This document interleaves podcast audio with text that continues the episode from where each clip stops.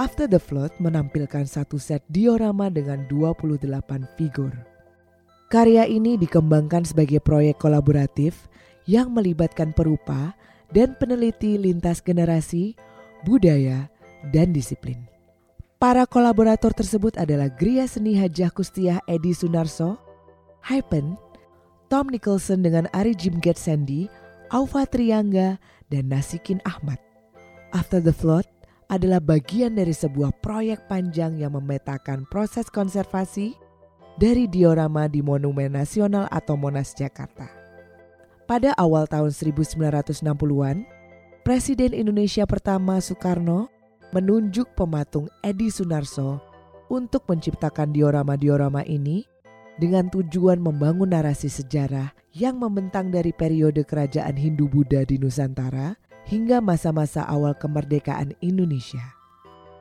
Melalui pengkajian dan replikasi teknik yang dikembangkan oleh Sunarso pada diorama Monas, proyek ini membayangkan bentuk praktek kolektif yang baru. Pendekatan kolaboratif ini secara sadar mengajukan pertanyaan kritis seputar proses pembentukan narasi sejarah kolektif yang kompleks, di mana jejak sejarah beradu dengan warisan kolonial kepentingan politik, dan juga spekulasi masa depan.